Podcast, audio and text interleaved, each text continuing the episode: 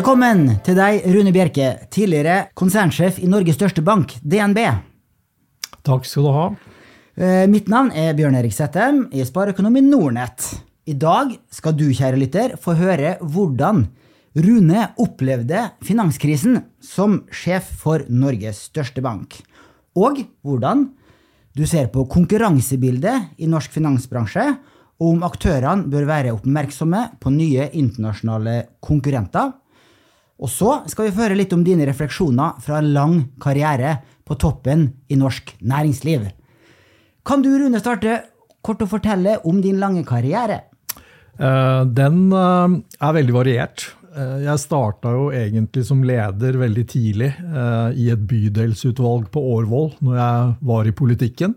Og ble etter hvert eh, partisekretær, finansbyråd, rådgiver i Olje- og energidepartementet for statsråden der. eh, Før jeg på midten av 90-tallet gikk over til det private næringslivet. Og der har jeg vært innom sement, energi og bank og finans, før jeg nå har valgt andre bransjer å konsentrere meg om. Sant? Og det at du eh, jobba i politikken i din tidlige karriere, eh, hvordan har du hatt nytte av det som næringslivsleder? Det å ha samfunnsforståelse, det å ha nysgjerrighet på politiske prosesser og hva som foregår i politikken, det tror jeg er eh, en eh, viktig tilleggskompetanse å ha for en leder i næringslivet. Det er ikke en eh, nødvendig eller tilstrekkelig kompetanse per se, men jeg tror du har større sjanser for å få et helhetsblikk og helhetsbilde på den virksomheten du er leder for i kommersiell sammenheng, hvis du også forstår samfunnet. Mm. og du slutta som eh, konsernsjef i DNB i 2019, men du har ikke ligget på latsiden siden den gang? Nei, jeg har jo en eh, kone som er eh, leder i en stor eh, eh, offentlig virksomhet. og hun gjorde veldig tydelig for meg at hun ikke ønska en ektemann som gikk hjemme og slang og lå i senga og drakk kaffe til klokka ti før han møtte gamle kollegaer på et eller annet kaffebrenneri. Så jeg måtte eh, engasjere meg eh, for å fylle opp kalenderen med fornuftige ting og holde meg oppdatert. Og jeg har vært så heldig da, at jeg har fått mange muligheter til det. Ja, for du er styremedlem i flere store bedrifter, og så er du gjesteforeleser på Handelshøyskolen i Bergen. Fortell kort om, eh, om det. Nei, altså Det å få lov til å ha et engasjement på Handelshøyskolen er for meg veldig spennende. Da treffer jeg unge studenter, folk som skriver doktorgrad, professorer som forsker på temaet jeg er interessert i. Og så har ikke jeg så veldig mye dyp akademisk innsikt å bidra med, men jeg har mange praktiske erfaringer fra norsk næringsliv. Og det å pare eh, erfaringer fra næringslivet praktiske erfaringer med eh, akademisk kompetanse, det er spennende. Og det har også gjort det mulig for meg å være med på en eh, bok sammen med tre andre, hvor vi skriver om innovas innovasjonskapasitet i eh, alle typer virksomheter, offentlige og private. Sant? Det skal vi komme litt tilbake til. Men la oss starte med å eh, snakke litt om finanskrisen. For du satt jo midt i episenteret som leder for Norges største bank. I hvert fall episenteret i Norge, for det, det starta i USA, som alle vet. Eh, du begynte i DNB i 2007. Da hadde jo banken vokst tosifra de ti foregående årene. Og du har uttalt at du trodde at veksten skulle fortsette, men så kom noe uventa. Altså 2007, det første året mitt i DNB, det, det står for meg i dag som en noe absurd opplevelse. Eh, Jeg må vel innrømme at jeg egentlig ikke var ordentlig leder i det året. Jeg var mer en, eh, en eh, rollefigur som fløyt på tidligere fusjoner, hardt og godt arbeid over mange år. Eh, Og det gikk veldig bra i 2007. Jeg følte, følte at det var en av de letteste jobb, jobb, jobbene jeg hadde hatt, skal jeg innrømme. Eh, Men så eh, kom vi til 2008, da, og sakte, men sikkert så nærma vi oss et gigantisk smell. Det var en krise som førte til de mest dramatiske ukene og månedene i mitt yrkesliv. For jeg sjekka eh, aksjekursen til DNB, og i, på slutten av 2007 så sto den på over 80 kroner. Og på eh, bunnen i starten av 2009, altså litt over et år senere, så var den på 20 kroner. Så et fall på 75% Det hører sjeldenhetene til. Jeg kan legge til at Oslo Børsindeksen falt jo med mellom 50 og 60% i samme periodene. Ja da, kursen var vel helt nede i 14 kroner og 60 øre intradag på det laveste, og vi var nærmere 100 kroner på, på det høyeste i den tiden der. Så det var et, et, et ras mot null. Og ikke bare DNB, men hele det finansielle system holdt jo på å kollapse. Så det var utrolig godt egentlig å ha med seg erfaring fra slutten av 80-tallet og begynnelsen av 90-tallet som kunde i bank, og også se at det var folk i Finansdepartementet, Norges Bank, i det politiske miljøet som også hadde opplevd en krise før. For det tror jeg gjorde da at Norge til slutt kom ut som et av de beste landene i verden i forhold til å takle den krisen med lave kostnader for samfunnet. Ja, ja, for det er en del eh, europeiske land, og eh, også USA, som, som, sleit veldig veldig mange år etterpå. Men Norge kom seg eh, relativt greit tilbake på sporet. Ja, eh, det tok litt tid, og jeg mener den siste uka eller de siste ti dagene før dette såkalte berømte gullkortet til Kristin Halvorsen ble dratt, en ordning som gikk ut på at bankene kunne bytte sine beste papirer, altså sikre boliglån, kunne bytte mot eh, statsobligasjoner. den den bytteordningen gjorde da at eh, tilliten til at norske banker sto støtt og kunne overleve, vokste utrolig fort i internasjonale markeder, og gjorde at bankene fikk tilgang både til kort og lang likviditet gjennom den bytteordningen. Men det skulle ikke gått så mange dager til før den ordningen ble lansert, før det hadde vært for sent. Fordi det man er redd for i enhver krise, ref det som skjedde i USA gjennom det siste året. Eh, når man opplever et innskuddsrønn, eh, alle kundene tar ut eh, pengene sine omtrent på samme tid, da er det for sent å redde banken. Og vi var fryktelig nær det punktet for mange finansinstitusjoner i Norge. Så du kan si at ordningen som kom, var veldig god. Den kom i ifølge mine erfaringer og opplevelser, litt i seneste laget, men eh, den bidro til å få Norge ut av krisen på en fenomenal måte. Mm. Og det viktigste av alt, det var ikke subsidier fra myndighetene til bankene. Det var en eh, ordning som førte til at staten gjennom Norges Bank faktisk tjente på denne bytteordningen mellom statsobligasjoner og eh, boliglån. Ja. for eh, det som skjedde, det var at da likviditeten stoppa fullstendig opp, så bankene de turte ikke låne penger seg imellom.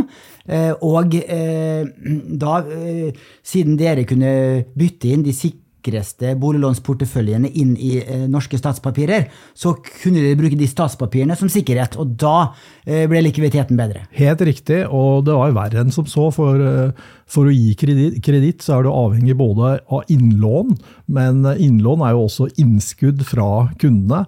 Og jeg hadde jo eh, besøk av flere kunder. En kunde som kom sporenstreks fra USA til Oslo eh, og ville ta ut, eh, eller lurte på om vedkommende skulle ta ut innskuddet sitt av banken. Og han spurte liksom, er det trygt for meg å ha pengene i DNB Nord.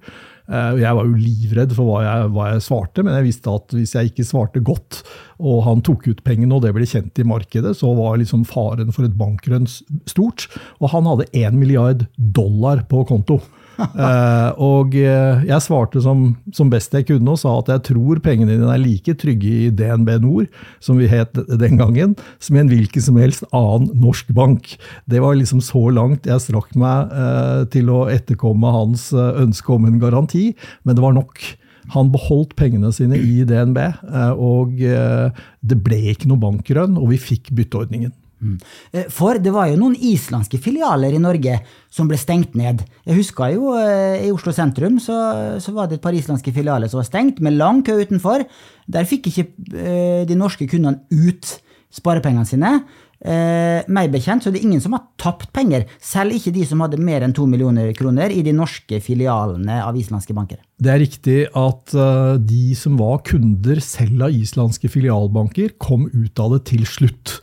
Det er mulig noen veldig få enkeltkunder eh, tapte helt mindre beløp eh, som følge av en eller annen eh, avsluttende avtale med eh, tilsynsmyndighetene eller bankene som sådan. Men det er helt riktig, ingen private kunder led betydelig tap, eller tap å snakke om, den gangen. Um Men i en sånn situasjon, eh, du sa at eh, du syns gullkortet kom i seneste laget. Dere hadde eh, god dialog med norske myndigheter, norske finansminister, statsminister. Her kom vel dine politiske kontakter til god nytte? Du vet, når man er redd for et innskuddsrønn, eller ser at et innskuddsrønn kan komme, så handler det om dager, timer, kanskje minutter. Og danske myndigheter de innførte en garantiordning for alle danske innskudd i danske banker. Det kom før norske eh, gullkortordningen eller bytteordningen ble lansert. Og i de dagene der så var det jo om å gjøre for meg å skape forståelse for at vi måtte ha en eller annen avtale med myndighetene om hvorledes vi skulle sikre det norske finansielle systems overlevelse. Og jeg skal innrømme at jeg pratet med alt som kunne gå og krype av maktmennesker i offentlige virksomheter, i regjeringsapparat, i NHO, Landsorganisasjonen. Jeg prøvde å snakke med flest mulig av de som har og hadde makt og innflytelse. Fordi jeg visste at skulle vi få handling raskt nok, så, så måtte alle gode krefter enes om det. Eh, og eh, selvfølgelig så hjalp det for meg å vite hvem jeg skulle snakke med. Men eh, jeg kan den dag i dag si at vi fikk ikke noen særordninger fordi vi var DNB, eller fordi jeg tilfeldigvis hadde vært politiker 20-25 år før. Men vi fikk i hvert fall tilgang til å fremme våre synspunkter, og det tror jeg var ett av bidragene på veien. Det virker også som at altså den dialogen det er mellom næringsliv og eh, politikere og myndigheter i Norge, den er jevnt over god. Det så vi også under eh, koronaperioden med støtteordninger. Man kan diskutere om de var for sjenerøse i ettertid, men jeg tror det er en veldig styrke med den norske modellen. Definitivt. Og her er jo begrepet tillit veldig viktig. Eh, og i en krisesituasjon så er det jo ofte sånn at man blir uh, urolig og redd for å gjøre feil. Uh, og derfor så var det så viktig for mitt vedkommende å prate med så mange. Ikke bare fra regjeringspartiene, men fra alle partier. Ikke bare med NHO, men også med LO. Det var viktig å ha kontakter med de som uh, satt litt sånn fjernt fra maktens grupper også, fordi vi trengte en forståelse eh, og vi trengte en oppslutning som var veldig bred. Eh, og eh, denne, denne, kommunikasjonen den førte jo også til mye bråk og uro avisforskrifter. Det var jo en SMS-utveksling med statsministeren som etter hvert ble trykket i sin helhet på forsiden av, av VG, og i ettertid så har dette blitt eh, pensum både her og der, nettopp i forhold til hva som skal loggføres. Og vi ser jo det i disse dager at eh, tekstmeldinger, det skal loggføres. Og i etterkant av finanskrisen så har det kommet en tsunami med reguleringer. Eh, strengere kapitalkrav til eh, eh, banker. Mifid-regelverket for å beskytte forbrukerne og investorene bedre. Og dette har jo gjort at norske og internasjonale banker er langt mer solide i dag enn de var for 15 år siden. Men um, kan en slik finanskrise skje igjen likevel, eller er det nå så solid byggverk i global finans at ikke det er finansbransjen som, som kan uh, forårsake den neste globale nedturen på finansmarkedene? Altså en, en, en krise uh, den uh, kan alltid skje igjen. Og krisens natur og krisens rotårsak er det umulig å spå eller forutse. Men det gode eh, med å ha vært igjennom flere kriser, det er at man etter hvert får mer og mer innsikt i hvordan man skal forebygge best mulig på veien. Hvordan man skal forsøke å unngå at krisen sprer seg og blir så dramatisk at den rokker ved hele systemet. Så jeg tror jo at både den krisen vi hadde på slutten av 80-tallet inn i 90-tallet, som førte med seg veldig mange bankkonkurser i Norge, og den krisen vi hadde i 2008-2009, som var global i sin natur og ikke hadde sitt utspring i Norge, i motsetning til den krisen vi hadde på 80- og 90-tallet. Det å ha vært igjennom de to krisene, det har gitt oss bedre eh, forutsetninger for å løse neste problem som oppstår. Det er jo et ordtak, som sier 'never waste a good crisis'. Og eh, vi har i hvert fall utnyttet kunnskapene fra de krisene vi har hatt i Norge, på en god måte til å forsøke å forebygge på en best mulig måte framover. Mm. Eh, hvis du skulle eh, riste deg til å peke på noen risikofaktorer da, som, som, vil utløse den neste store nedturen i aksjemarkedet. Nå er det jo eh, 15 år siden eh, verdens børser halverte seg forrige gang. Eh, ser du historisk sett, så er det mellom 10 og 15 år som regel. Eh, mellom hver gang verdens børsverdier eh, halveres. Hva vil du tippe? Altså det er, som jeg sa, umulig å spå Eh, rotårsakene til en krise som kanskje kommer, eller kommer der fremme.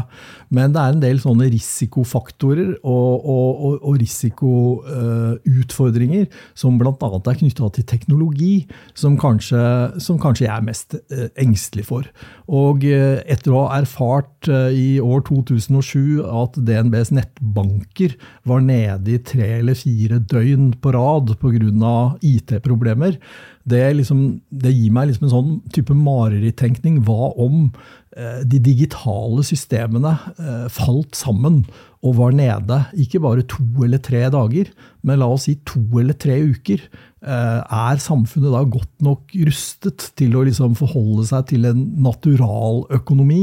Altså det er veldig få som har kontanter liggende hjemme, og de som har kontanter liggende hjemme, de, de vil jo veldig godt, fort gått tom hvis, hvis, eh, det digitale systemet brøt sammen. Mm. Derfor så er det å ha digital robusthet, reserveløsninger, også at kanskje sentralbanken ut, ut, utvikler digital reservevaluta, noe som, som jeg tror er veldig viktig da, for å for å sikre oss hvis, eh, hvis det, det, eh, virkelig uforutsette digitale sjokket skulle finne sted.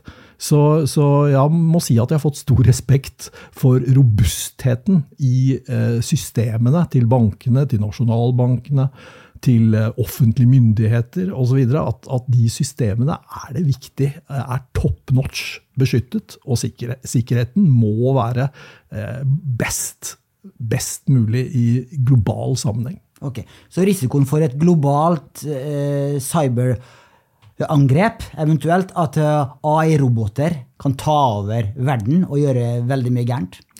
Ja, igjen så er det vanskelig å beskrive dette, men det er tror jeg, veldig viktig i alle bankers risikoanalyser å se på eh, alle faktorer som eh, kan gjøre at man ender opp i kritiske situasjoner, og forsøke å gå løs på de faktorene med forebyggende tiltak for å redusere risikoen. Du kan ikke fjerne all risiko, men du kan redusere risiko på områder hvor kanskje nedsiden er størst. Da skal vi gå over til å snakke litt om eh, konkurransebildet eh, i norsk finansbransje. For det er jo rundt 120 banker i Norge. Men eh, omtrent alle tjener godt med penger, og DNB har jo vært i media i det siste for, eh, med kritikk for at de tjener for mye. De, de har eh, lavere marginer på eh, utlån enn før, men de har øh, vesentlig høyere marginer på innskudd enn før, og de setter ikke opp innskuddsrenta fort nok. Um, og det kan man si med andre banker også. Også uh, min bank, Nordnett, får den kritikken. Um, er konkurransen rett og slett for lav i norsk bankbransje? Nei, eh, konkurransen i det norske bankmarkedet er steintøff.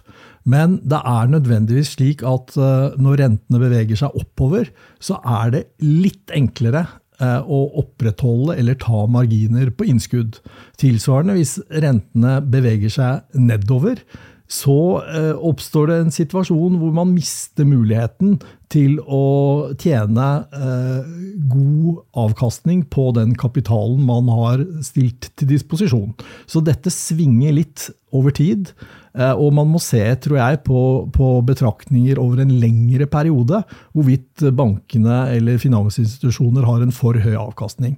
Og Hvis du tar utgangspunkt i norske banker, så er den langsiktige gjennomsnittlige avkastningen på helt ok nivåer sammenlignet med andre bransjer.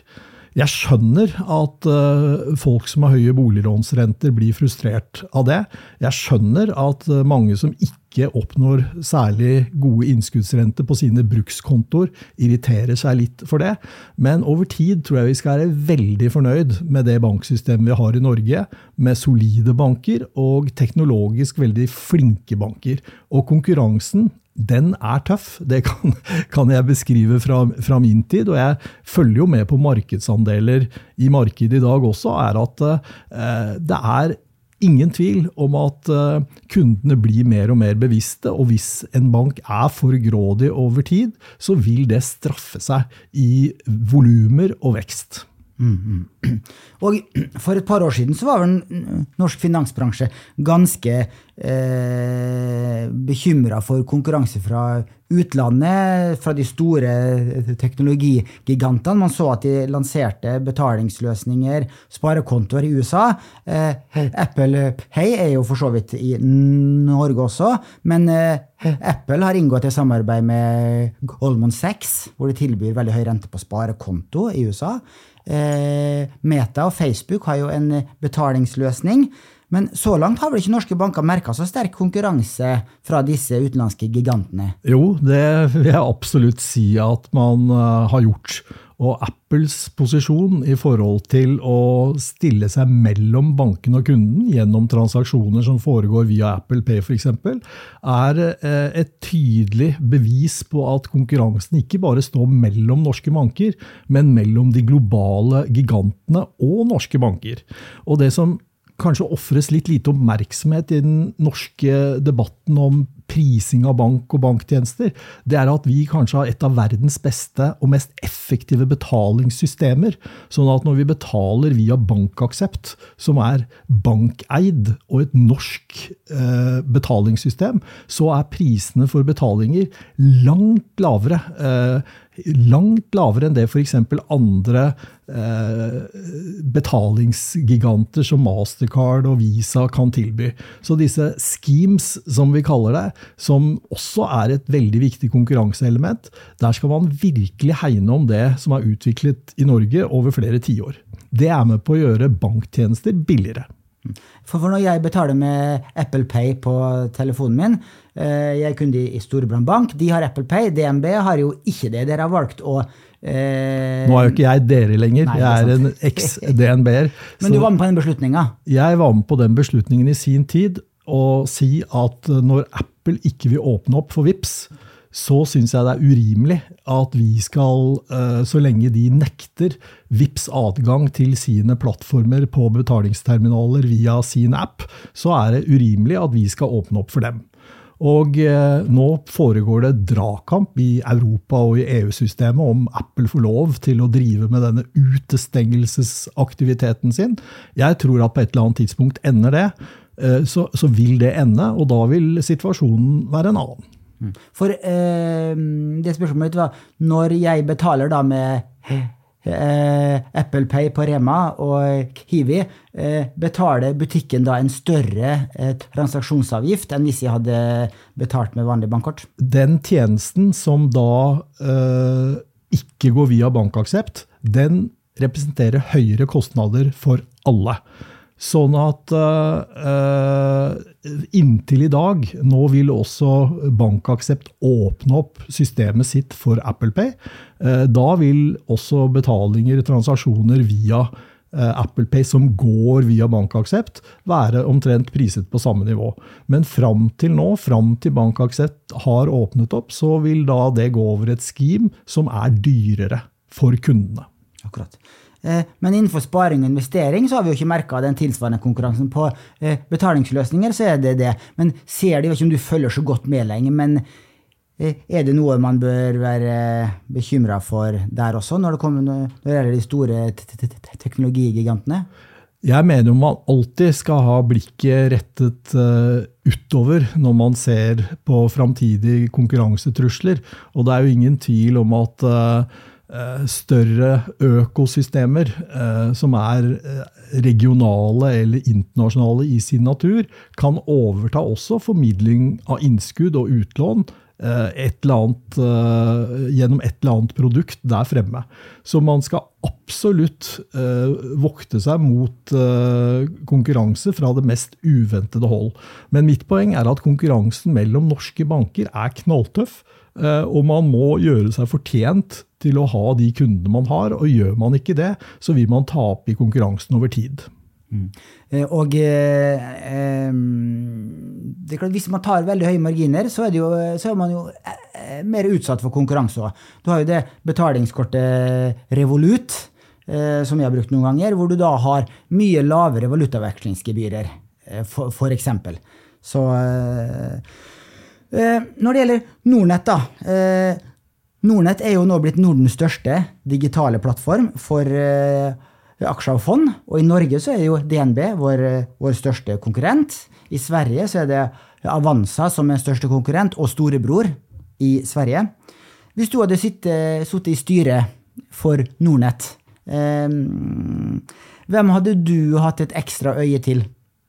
Nei, jeg ville jo hatt et øye til konkurrentene. For nå er jo jeg, eh, som, som, som, deg, som er veldig eh, pro Nordnett, så er jeg veldig pro DNBs spareapp, som eh, ble utviklet eh, av eh, flinke folk den gang jeg jobbet i DNB. Og jeg ser jo at konkurransen mellom da eksempelvis Nordnett og DNB, og Avanza i Sverige, den er reell. Den er høyst reell. Eh, men også her kan det komme helt nye aktører inn. Og eh, jeg tror man skal tenke at disse store økosystemene, sånn som Apple, Facebook, Google De store økosystemene de kan inngå allianser eller partnerskap med globale finansinstitusjoner. Og vips, så er konkurransebildet endret. Mm. Sant. Interessant. Det, vi, skal, vi skal følge veldig nøye med i konkurransebildet. Også, vi også øh, venter vel på et vis på at de store eh, aktørene eh, Charles Schwab i USA er jo eh, kjempestor og gjør det ganske bra på digital investeringsrådgivning også. Noe vi har jobba en del med, men det er jaggu ikke enkelt å gi finansiell rådgivning på en digital plattform uten å ha en autorisert finansiell rådgiver som har en fysisk dialog med kunden. Det kjenner jeg til, og der har vi jo strenge regler gjennom Mifid-regelverket som gjør at, eh, at, de kravene som, som stilles til eh, eh, kompetanse, både hos rådgiver og kunden, de gjør at det er vanskelig å manøvrere digitalt. Men kanskje så bidrar det også til at kunden utdanner seg selv mer og mer, skaffer seg mer og mer egen kunnskap, som gjør at man kan manøvrere ved de digitale verktøyene som sin egen rådgiver. Det er et veldig godt poeng. Vi jobber jo masse på å lage eh, innhold og opplæring eh, for kundene våre for å gjøre de i stand til å eh, ta best mulige eh, investeringsbeslutninger selv. Og Det tror jeg er en strategi som eh, mange følger, og som jeg tror er bra også for kunden. Fordi eh, det å øke den økonomiske interessen og kompetansen hos alle kunder så, så, så mye som mulig, det er bra for hele det finansielle systemet. Da skal vi på siste del, nemlig eh, ditt syn på ledelse og kulturbygging. For jeg har hørt eh, flere podkaster med deg og lest intervjuer hvor du snakker om eh, ditt syn på ledelse. Og du er veldig opptatt av å bygge en god kultur i bedriften. Hva legger du i en god kultur? Det viktigste elementet i en kultur, det er eh, engasjementet eh, til de ansatte i egen virksomhet. Eh, det å ha medarbeidere som virkelig er opptatt av eh, stedet der de jobber, av produktene og tjenestene som utvikles, og av forholdet til kunden. Det å ha et høyest mulig engasjement, det er den viktigste bestandandelen i en kultur. Men så må man også ha et kompass, eh, og kompasset, eh, som da er et annet viktig element i en kultur, det dreier seg om hvilke verdier som bedriften er bygget opp rundt. Og hvis man har et godt sett av verdier som er forankret og som blir etterlevd etterfulgt av engasjerte medarbeidere, da har man kommet ganske langt i å utvikle en kultur. Men man savner på toppen av det en, en, en form for eh, nordstjerne eller en eller annen, eh, en eller annen visjon eller en eller annen ting å strekke seg etter. Det behøver ikke nødvendigvis alltid være så, så konkret, men noe som også skaper drømmer eh, blant ledere og ansatte i en virksomhet. Det er også et, et, viktig tilleggselement. Og så kommer det siste komponenten som jeg er ekstremt opptatt av. Dette med at man må ha noen lederprinsipper som blir etterlevd, som er godt forankret, og som er eh, eh gjenstand for å ha høy oppslutning av de ansatte. Mm -hmm. Du nevnte engasjement og entusiasme. Eh, jeg, har sett undersøkelser, som du også har referert til, at det andelen ansatte som da har et stort engasjement og entusiasme for bedriften de jobber i, er ganske lav. 19% var en undersøkelse fra Norsk Gallup her. Ja, og det er jo egentlig helt utrolig at bare én av fem, eller under én av fem, er aktivt engasjert i virksomheten sin. Og tilsvarende så kan man finne tall på at det er over 20% som faktisk er aktivt uengasjert i virksomheten sin. Og eh, det er jo liksom de som går under benevnelsen quiet quitters. De som egentlig gjør bare det de må gjøre. Som ikke gjør et døyt mer enn det de må for å beholde jobben, og som egentlig ikke bryr seg noe særlig om stedet de jobber. Eh, det er trist at, eh, at det er slike tall, men det er kanskje enda mer tankevekkende at det da er rundt 60% i midten som ikke verken er aktivt engasjert eller aktivt uengasjert, som bare er liksom passe engasjert. Og det er de liksom 60% i midten da, som jeg tror det er så utrolig viktig å jobbe med, og det er der det er lett å oppnå bevegelser i engasjementet hos de ansatte. De som er aktivt uengasjert, er det også mulig å påvirke og gjøre noe med, men det er mye tyngre ofte en mye mer langvarig prosess. Så jeg pleier å si til ledere som jeg eh, snakker med, at eh, i hvert fall start med det berget i midten. Start med de som, som, eh, som er, har en positiv grunntone, men ikke en veldig aktiv positiv grunntone, og prøv å liksom prøv å få dem til å bli mer tent og eh, mer opptatt av utviklingen i virksomheten, da gir det seg utslag også i kulturmålinger, eh, som man også bør ha i alle virksomheter, både offentlige og private. Mm. Eh, lyktes du med det i DNB? Jeg antar dere gjorde slike kulturmålinger der også. Så du at den graden av entusiastiske og engasjerte medarbeidere økte gjennom dine 13 år i DNB? Jeg syns DNB er en fantastisk organisasjon og er en veldig eh, solid virksomhet med flott, flott smittende engasjement internt. Hvorvidt jeg lykkes, det, det, det skal, skal, andre få lov til å vurdere. Men det jeg så, det var at vi gikk fra å være syv eller åtte ulike merkevarer på, uh, på, begynnelsen av dette årtusenet til å bli én merkevare hvor alle ansatte hadde én visjon. De hadde ett sett av verdier, vi hadde ett sett av lederprinsipper, og vi hadde felles mål. Og det var i hvert fall en mye bedre og mer tilfredsstillende situasjon å være i enn å være et hus av ulike merkevarer med mange subkulturer. Så vi beveg, beveget oss. Hvorvidt det var bra nok, det skal ikke jeg si så mye om, men andre får vurdere. Jeg hadde en fantastisk reise i DNB som jeg er glad jeg fikk lov til å være med på. Mm -hmm. du som du sa, du har vært medforfatter i en bok som heter Innovasjonskapasitet, og gjesteforeleser i Bergen innenfor det samme feltet. Eh, og vært styreleder i VIPS i fem år, som virkelig var en stor innovasjon i Norge. Eh, fortell litt om hvordan du har jobba med innovasjon som leder. Det du ser, det er jo at uh, det er ulike former for innovasjonsarbeid. Det er det som, som, kalles inkrementell innovasjon, eller små hverdagsforbedringer som man må jobbe med uh, alle steder. og som, hvis du lykkes hver dag, litt og litt og litt, etter hvert gir store og viktige bidrag til resultatet i en virksomhet.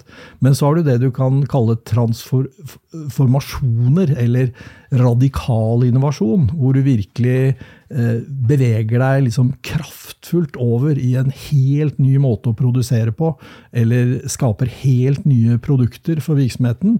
Det er en annen type innovasjon. Og min erfaring er at uh, man jobber best med de store, radikale innovasjonene hvis man samler ulike fagmiljøer i egne, separate enheter som får lov til å jobbe ganske agilt, selvstendig, med eh, tydelige målsetninger, men, men med vide mandater. Og så mener jeg det er viktig for enhver virksomhet også å, å, innovere gjennom å jobbe tett i partnerskap med andre. Gjerne partnerskap med andre virksomheter enn sin egen, og gjerne i eh, klynger eh, tilknyttet forskningsparker eller innovasjonsinkubatorer eller type eh, steder som Startup Lab osv., hvor man også der kan ta med seg eh, innovativt arbeid tilbake igjen inn i egen virksomhet. Sant. Og mm, gjennom dine 13 år i DNB, er det noe du angrer på, som tenker svarte, det var skikkelig dumt gjort? Det skulle gjort annerledes? Nei, altså Vi måtte jo eh, skifte kompetansesammensetningen i DNB når vi skulle eh, digitalisere produktene og tjenestene våre. Vi så jo at filialene eh, ikke var, eller kom til å bli det de hadde vært. Og vi måtte få inn mye mye mer tech-kompetanse. Og Da hadde vi noen store nedbemanningsprosesser i 2014 og 2015. Flere tusen ansatte sluttet i DNB i den tiden der. og og når jeg ser på det i dag, i ettertid, så var vi nok kanskje litt for ivrig i å oppmuntre folk til å slutte.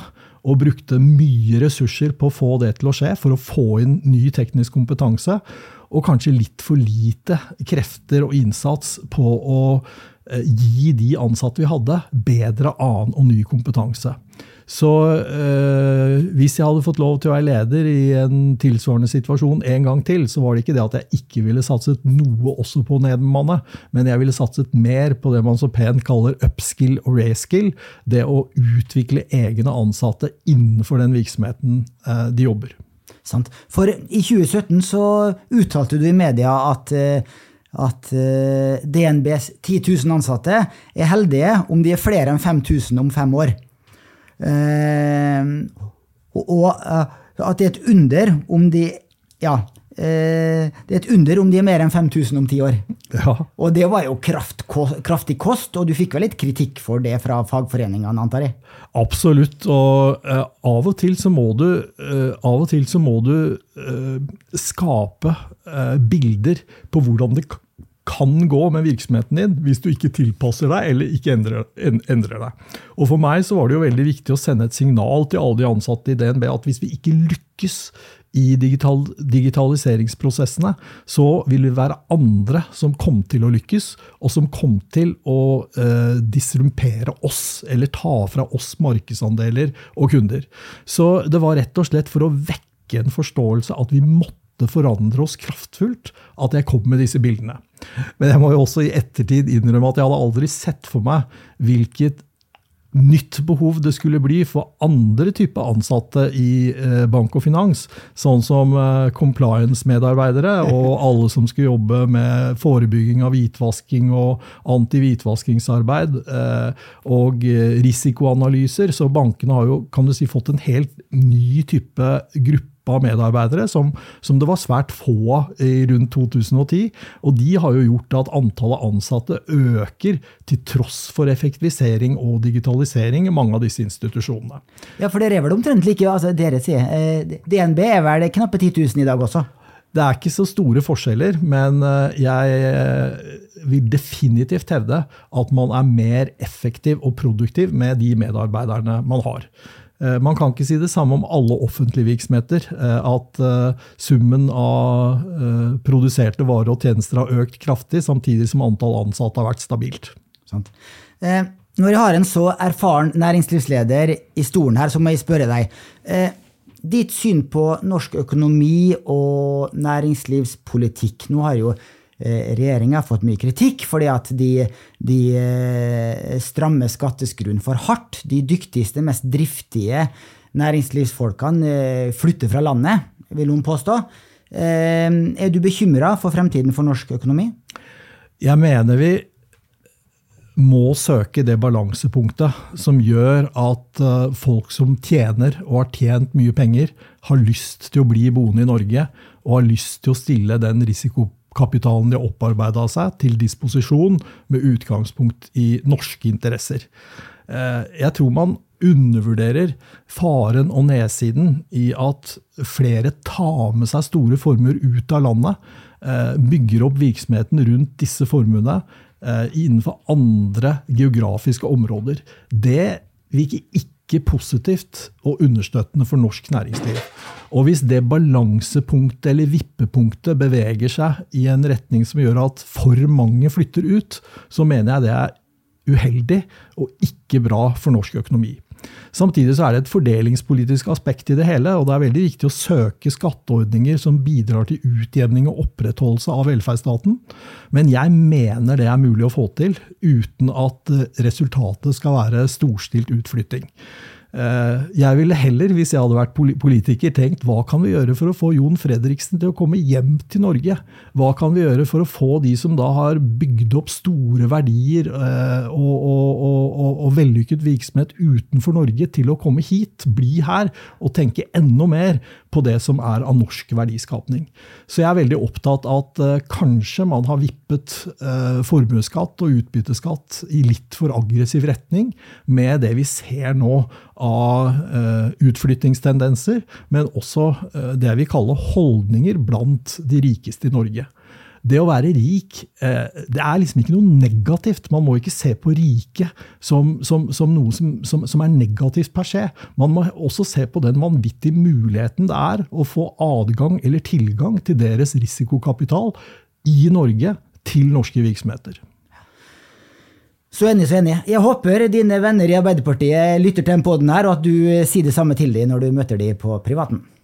Jeg sier det samme, eh, både i podkaster og i selskaper.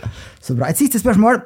Har du noen råd til studenter og andre unge som er på starten av sin karriere? Vi har jo veldig mange unge lyttere i Pengepodden. Eh, det er å kanskje satse på å få seg dyp kompetanse fra mer enn én arena. Uh, spisskompetanse er veldig bra, men selv har jeg uh, i hvert fall erfart at det å beherske uh, kompetanse fra ulike arenaer, kunnskap som egentlig ikke er sammenfallende, men som er utfyllende, det er noe jeg ville oppfordre alle unge å søke etter. Tusen hjertelig takk for du kunne komme, Rune. Bare hyggelig. Gøy å være her. Takk til alle som hørte på.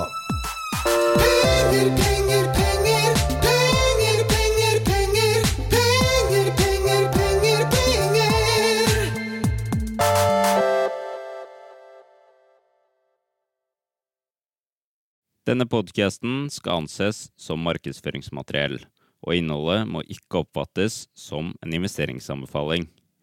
Podkasten er kun ment til inspirasjon og informasjonsformål. Nornett tar ikke ansvar for eventuelle tap som måtte oppstå ved bruk av informasjonen i denne podkasten. Les mer på disclaimer på nordnett.no.